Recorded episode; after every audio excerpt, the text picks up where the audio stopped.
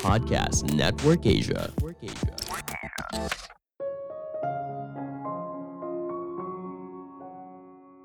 Lebih cepat bukan berarti lebih baik. Kadang, lebih lambat justru cara yang tepat untuk menikmati hidup.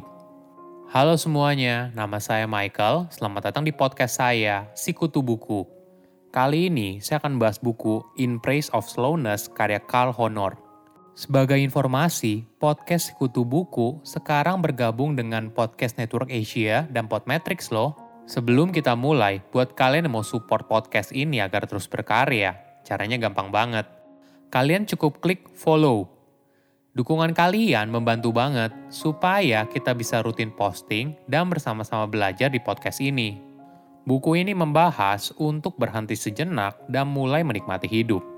Kita hidup di dunia yang selalu terburu-buru. Semua harus cepat, efisien, kuantitas di atas kualitas. Ini bukan satu-satunya cara untuk hidup.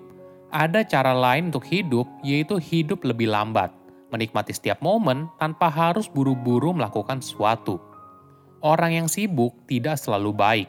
Mungkin itu artinya orang tersebut kehilangan kemampuan untuk menikmati hidupnya. Pada dasarnya, hidup butuh keseimbangan.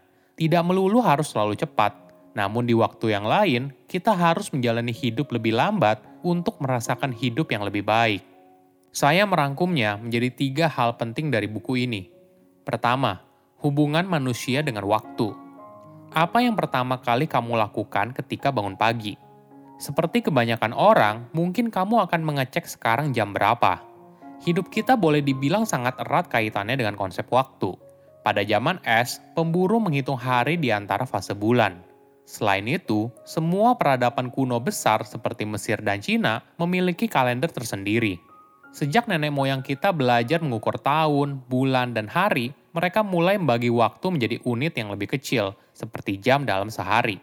Instrumen pertama yang bagi hari menjadi bagian yang sama adalah jam matahari Mesir pada tahun 1500 sebelum Masehi. Penemuan ini sangat membantu kehidupan manusia. Mengukur waktu membantu peradaban kuno untuk tahu kapan harus menanam dan panen.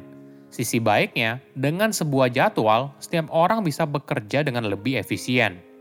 Namun lama-kelamaan, kita tidak memanfaatkan waktu, malah sebaliknya, kita yang menjadi budak bagi waktu itu sendiri. Jadwal memberikan kita tenggat waktu, dan secara alamiah, tenggat waktu akan memaksa kita untuk bergerak dengan cepat. Seperti sebuah pepatah Italia yang mengatakan, manusia mengukur waktu dan waktu mengukur manusia. Kondisi ini semakin parah sejak manusia memasuki era revolusi industri. Manusia tidak lagi bergantung pada kemampuan dirinya dan bantuan hewan untuk bertani atau bekerja di pabrik. Mesin mampu meningkatkan produktivitas kerja berkali-kali lipat. Para pengusaha lalu mulai menekan para karyawannya untuk selalu tepat waktu dan mengimbangi kemampuan dari mesin. Mereka menganggap lambat atau telat sebagai hal yang buruk. Semakin lama, mindset manusia jadi terbentuk kalau semuanya harus cepat setiap orang diharapkan untuk berpikir lebih cepat, bekerja lebih cepat, makan lebih cepat, dan bergerak lebih cepat. Hidup yang bergerak cepat bukan hanya terjadi di dunia kerja, tapi pemikiran kalau lebih cepat berarti lebih baik masuk ke hampir setiap area dalam hidup. Kita mulai mengisi jadwal harian kita dengan padat. Ketika penghasilan kita semakin banyak, kita ingin menikmati begitu banyak hal dalam hidup, mulai dari daftar ke tempat gym, bermain game, pergi liburan, nonton TV, dan sebagainya. Begitu banyak yang kita masukkan ke dalam jadwal harian membuat kita merasa tidak punya waktu. Hal ini pada akhirnya mengubah pemikiran kita soal waktu. Kita beranggapan kalau waktu adalah sumber daya yang terbatas. Oleh karena itu, kita harus memanfaatkan waktu sebaik-baiknya dan jangan sampai ada waktu yang kosong atau tidak produktif. Padahal sebenarnya, waktu selalu berada di sekitar kita, selalu memperbarui dirinya sendiri seperti udara yang kita hirup. Ini adalah tantangan di era modern, bagaimana mengubah hubungan kita dengan waktu.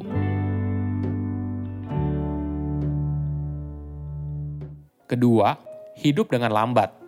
Kita hidup di era di mana semua bergerak dengan cepat. Tentu saja, kecepatan banyak membawa hal baik bagi manusia, misalnya pesawat terbang, mesin modern, dan sebagainya. Namun perlu disadari, tidak semua hal di dunia harus dipercepat. Kadang kita butuh menjalani hidup lebih lambat untuk menikmatinya. Hal ini yang lalu mendorong adanya gerakan slow movement. sebuah gerakan yang mendorong orang lain untuk menjalani hidup lebih lambat. Slow movement bukan berarti kita hidup seperti siput dan anti teknologi.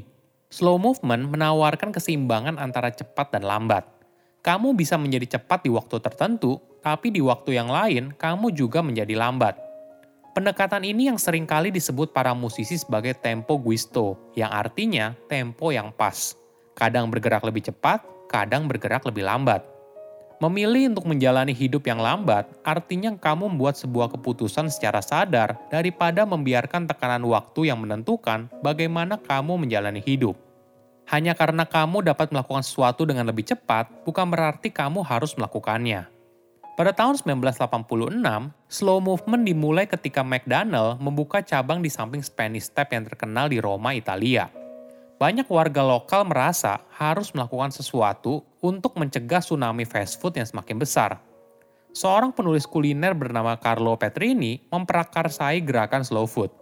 Gerakan ini bertujuan untuk mempromosikan makanan lokal dan cara memasak dengan tradisional. Mereka berpendapat, jika kamu memilih makanan lebih sehat, maka kamu juga akan melindungi lingkungan sekitar. Gerakan ini lalu mendapat banyak dukungan dari warga sekitar hingga akhirnya menjadi gerakan di seluruh dunia. Semua ini mungkin terjadi karena slow food menyentuh keinginan dasar manusia soal makanan. Kita semua ingin makan lebih baik, dan pola hidup ini akan membuat kita lebih sehat dan lebih bahagia. Tentu saja hal ini tidak mudah. Kita dari kecil sudah diberikan doktrin kalau segala sesuatu harus cepat. Namun ketika sekarang ada yang bilang kalau hidup lebih lambat itu baik, hal ini menjadi dilema. Ketika mereka mengaplikasikan slow food dan mendapatkan manfaat, mereka juga mulai mencoba filosofi ini di aspek lain dalam hidup, hingga akhirnya menjadi sebuah slow movement.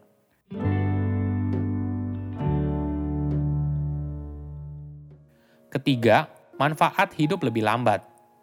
Riset membuktikan orang akan berpikir lebih kreatif ketika mereka dalam kondisi tenang, tidak terburu-buru, dan bebas dari stres. Banyak orang hebat di dunia tahu kapan harus melambatkan dirinya untuk berpikir. Sebagai contoh, Albert Einstein terkenal sering menatap dalam diam di ruangan kerjanya. Albert memahami dua tipe dalam berpikir. Dia berpendapat komputer sangat cepat, akurat, tapi bodoh. Sedangkan manusia sangat lambat, tidak akurat, tapi brilian. Bersama-sama, mereka akan menjadi kekuatan besar yang luar biasa. Ini adalah keseimbangan yang dimiliki banyak orang hebat.